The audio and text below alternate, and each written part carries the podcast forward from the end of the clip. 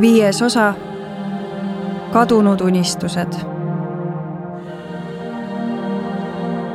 suvi. kümmekond kliimanoort rohkem kükitavad, kui istuvad ümber madala laua. Nad on kogunenud miniatuurset lossi imiteerivasse lehtlasse. suursugusust lisavad varjualusele väikesed puidust tornid. parajasti käib käest kätte pehme punane draakon. noored on selle ristinud leoks ja kasutavad seda jutupulgana. sõna on sellel, kelle käes on leo ja kelle käes on parajasti leo, see saab õiguse tutvustada, milline on tema ideaalmaailm aastal kaks tuhat kolmkümmend viis. ideid ja märksõnu kõlab rohkelt. tihedam ühistransport, trammiliinide pikendamine, Haapsalu rong, hooajaline elu, linnade kahanemine räägitakse poodidest, kus otsused oleksid inimeste eest juba ära tehtud. nii et polegi teist võimalust, kui osta mahedalt ja pakendivabalt. või tulevikust, kus eestlane läheb ameeriklasi harima, kuidas mullad taas viljakaks muuta.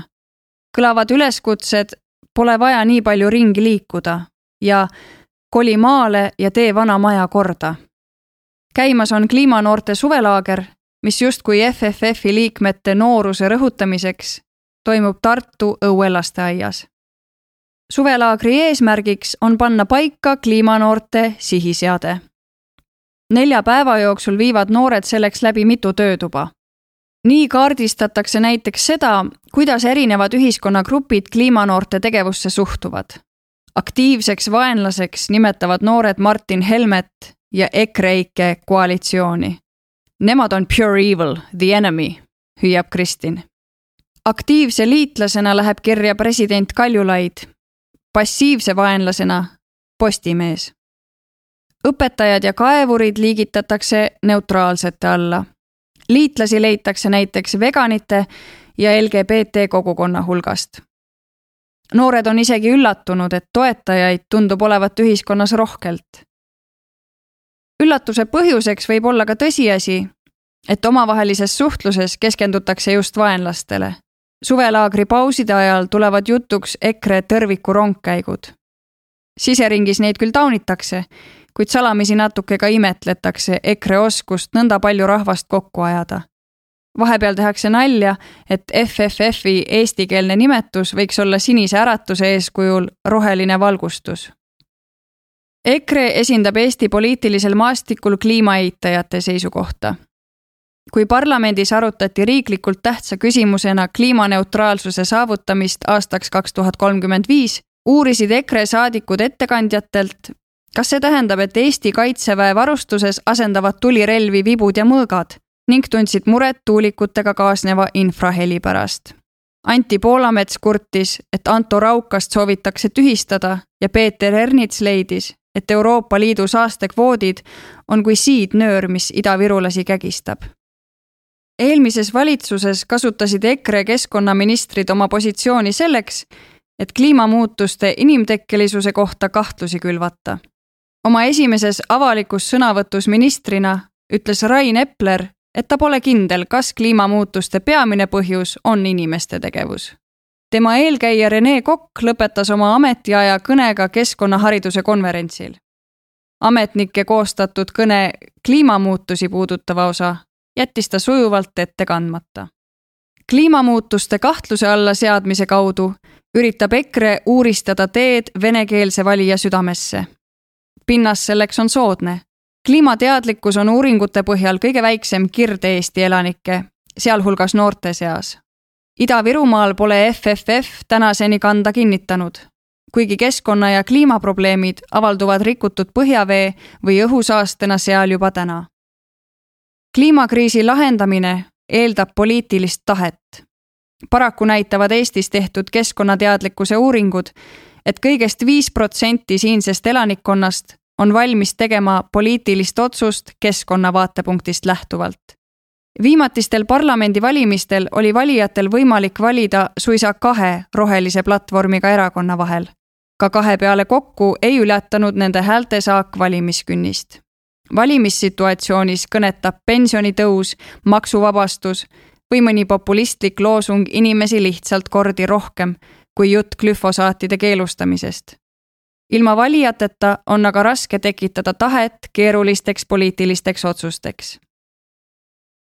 Neid otsuseid on vaja hakata tegema kiiresti. kliimanoored pelgavad, et kui puuduvad poliitikud, kes raskeid otsuseid rahvale selgitaksid, võib Eestis korduda kollavestide stsenaarium. tänavatele tulevad vihased rahvamassid, kes on rahulolematud maksumuudatuste või reformikavadega, mis parema homse nimel nende tänast elustandardit langetavad. kui inimesed ei saa kliimakriisist aru, ei toeta nad ka Põxitit, ütleb Kertu ühes suvelaagri töötoas. Mihkel Kangur leiab, et seni on erakondade lähenemist keskkonnatemaatikale ilmestanud rohepesu maik. Poliitikud tahavad rohelist silti külge saada, küll aga pole nad selle jaoks valmis midagi tegema, väidab Kangur.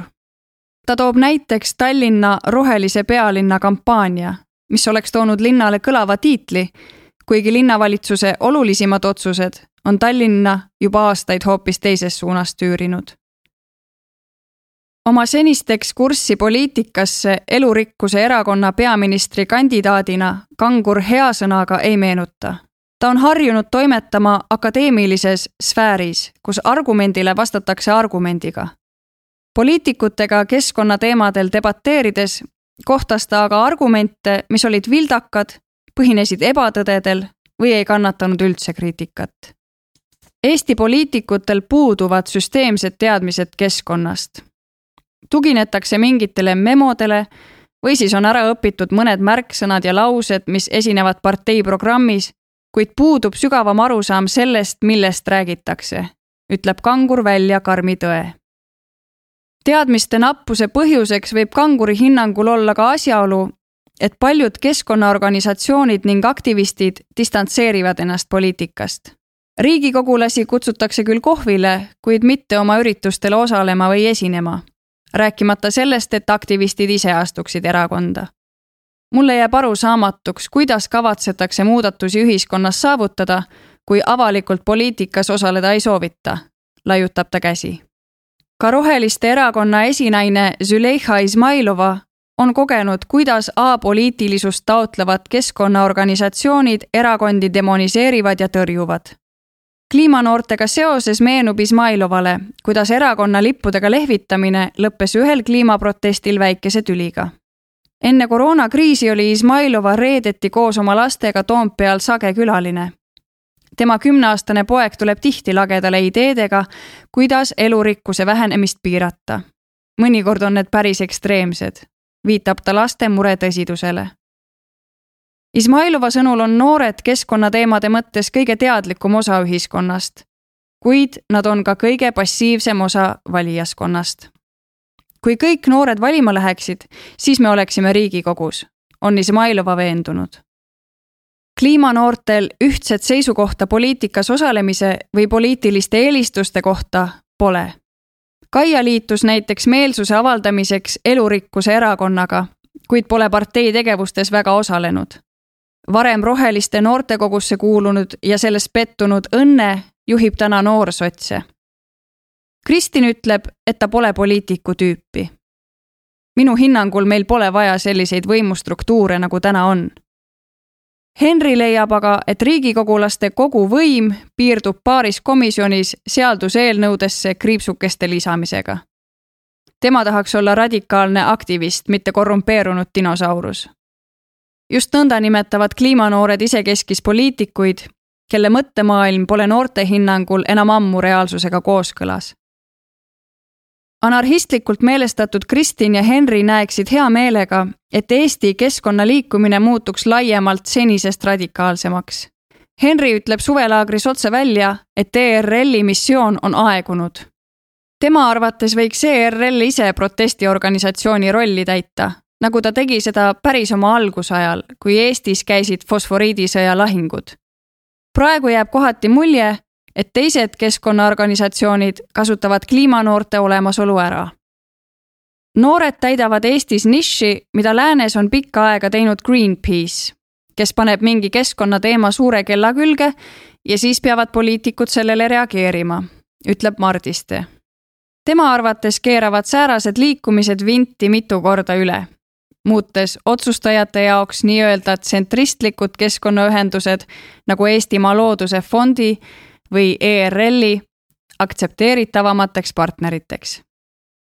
seepärast kulutavad noored kohtuuksi, kuid ennast juba tõestanud ühendused saavad samal ajal kaasa rääkida selles, kuidas peaks toimuma õiglane üleminek Ida-Virumaal või millistest põhimõtetest lähtuma Eesti energia- ja kliimakava. Mardiste on veendunud, et kliimanoorte olemasolu muudab tema ja teiste keskkonnakaitsjate tööd hõlpsamaks. radikaalsete nõudmiste taustal on lihtsam teistel kuskile jõuda, kui ilma selliste nõudmisteta. on siis kliimanoored radikaalsed?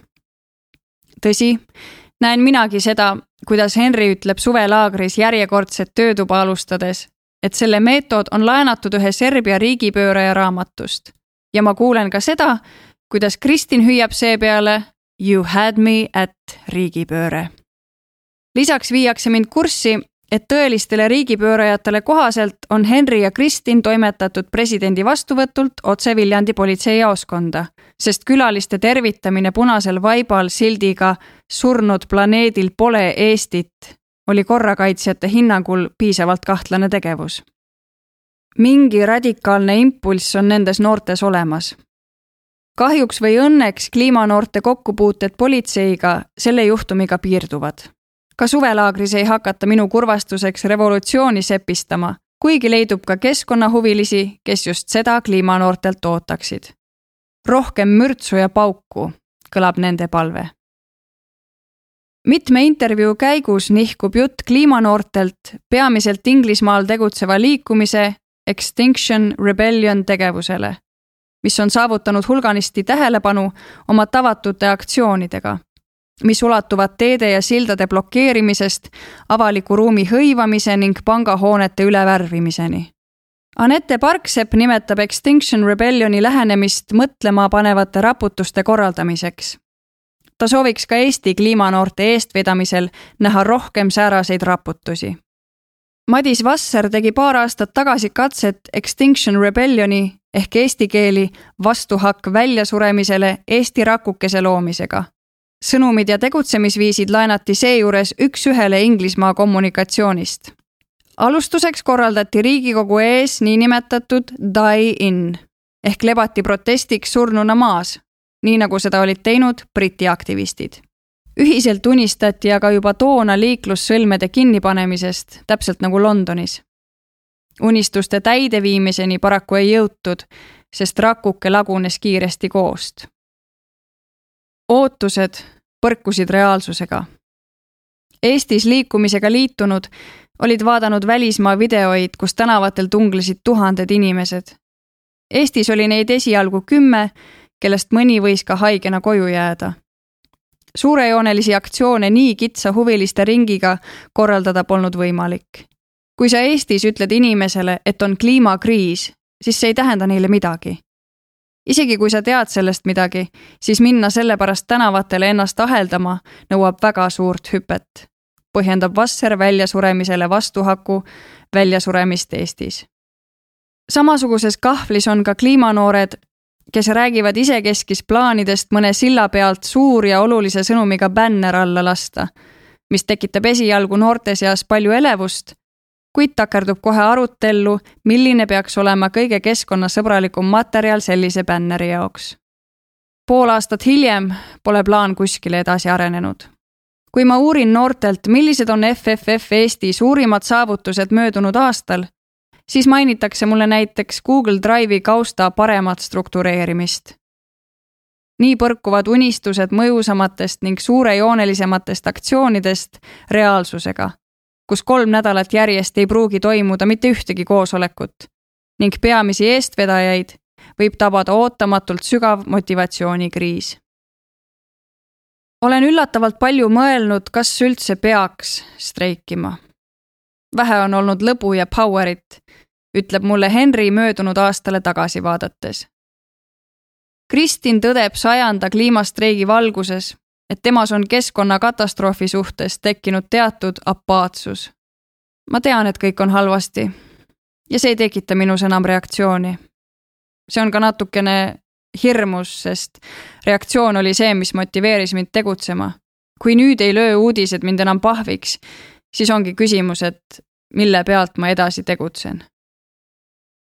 liikumise tulevik on segane kliimanoored ütlevad, et nemad enne protestimist ei lõpeta, kui Eesti valitsus pole astunud jõulisi ja konkreetseid samme kliimaneutraalsuse saavutamise suunas aastaks kaks tuhat kolmkümmend viis. teine väga konkreetne mõõdik, mille alusel noored oma tegevuse viljakust hindavad, on aastane süsinikuheide, mis peaks tänavatelt lahkumiseks järsult vähenema. Kertu arvates on siiski tõenäolisem, et kliimanoored väsivad enne ära ja lõpetavad streikimise kui et valitsuselt saabub otsus, mis kohalikke kliimaaktiviste täielikult rahuldaks. kas keegi märkaks, kui reedeti ühtegi noort enam streikimas ei käiks? koroonaviiruse tõttu on viimase aasta jooksul tulnud kümneid streike kolida virtuaalmaailma, nõnda et iga noor protesteerib plakatiga oma kodus. see on noortele mugav ja säilib järjepidevus, kuid nii haihtub kliimamurega paljude inimeste silmapiirilt Peep Mardiste suhtub mõttesse noorte kliimaliikumise väljasuremisest üllatavalt rahulikult. Neil on oma mõju juba olnud. Nad on mingid hammasrattad juba käima pannud. Mardiste arvates muudavad kliimanoored oma kohaloluga keskkonnaorganisatsioone niikuinii, ilmudes peagi välja kuskil mujal ja jätkates kliimavõitlust sama kirega.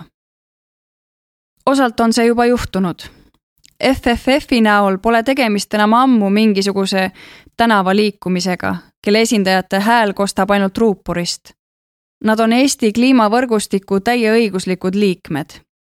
Henri kuulub tema poolt kritiseeritud ERL-i juhatusse. keskkonnaministeerium on laiemalt noortega konsulteerimiseks loonud aga Eesti Noorte Keskkonnanõukogu, mille üheks aktiivseimaks liikmeks on just FFF kliimanoorte ees on kõik uksed veel valla. paljud neist peavad alles hakkama tegema esimesi iseseisvaid otsuseid oma haridusteel. näiteks Meena, kes veel aasta tagasi oli kindel, et läheb välismaale moodsat kunsti õppima, kaalub nüüd tõsiselt kliimateadlase karjääri. Kristini variant B, kui jalgpallurina poleks õnnestunud läbi lüüa, oleks olnud ettevõtlus. nüüd on ta aga veendunud, et valedele põhimõtetele rajatud majandussüsteemi ta sellisel moel panustada ei soovi. ka Marta ütleb mulle, et ta on nõus tegema ainult sellist tööd, mis toetab kliimamuutuste leevendamist. mitmekülgselt andekas Kertu mõtleb oma tulevikule iga päev.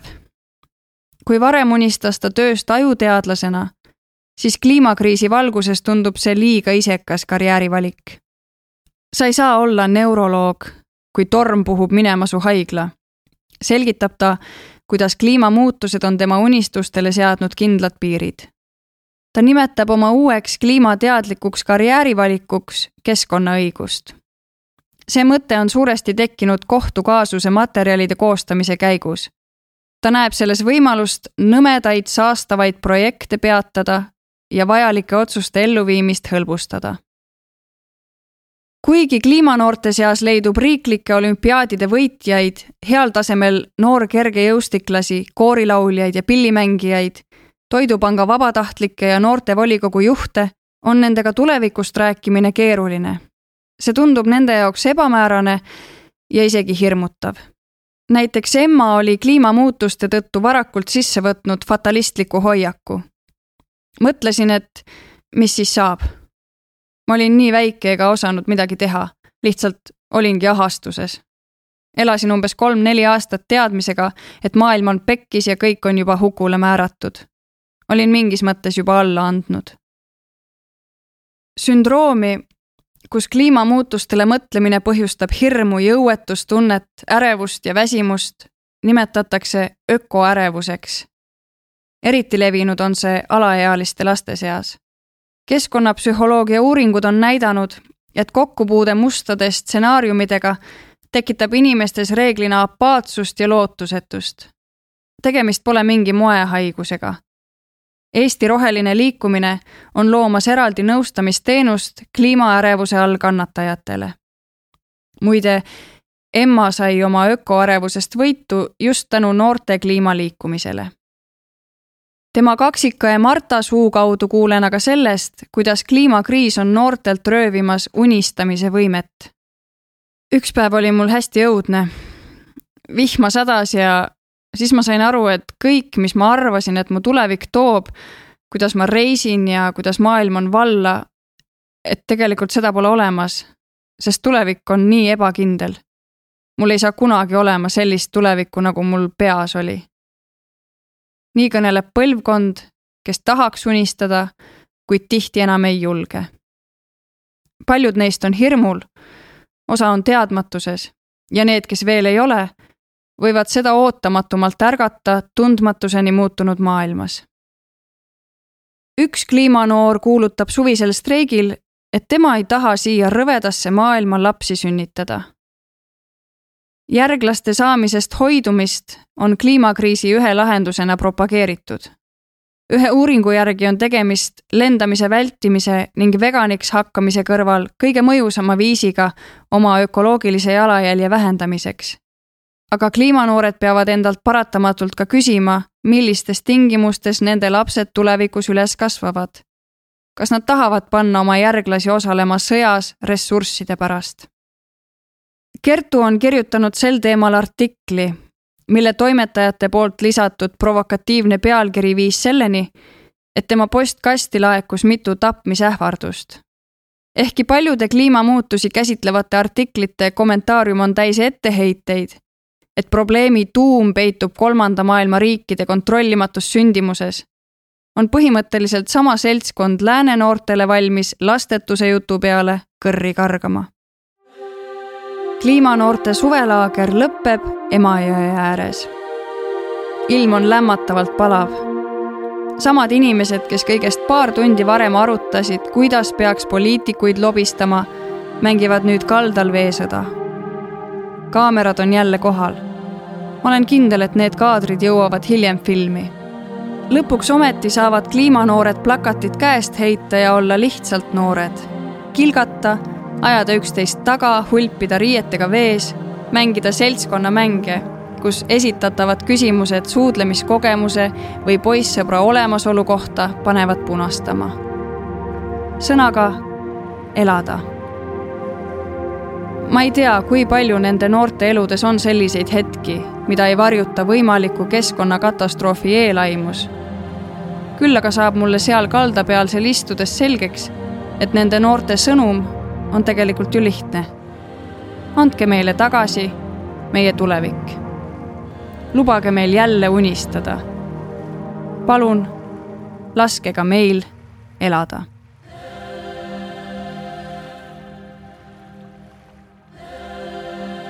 Te kuulasite Musta laega Eesti kliimamure viiendat osa. tekst Henri Kõiv, luges Mariann Heinalt, helikujundus ja originaalmuusika Janek Murd. Levila kaks tuhat kakskümmend üks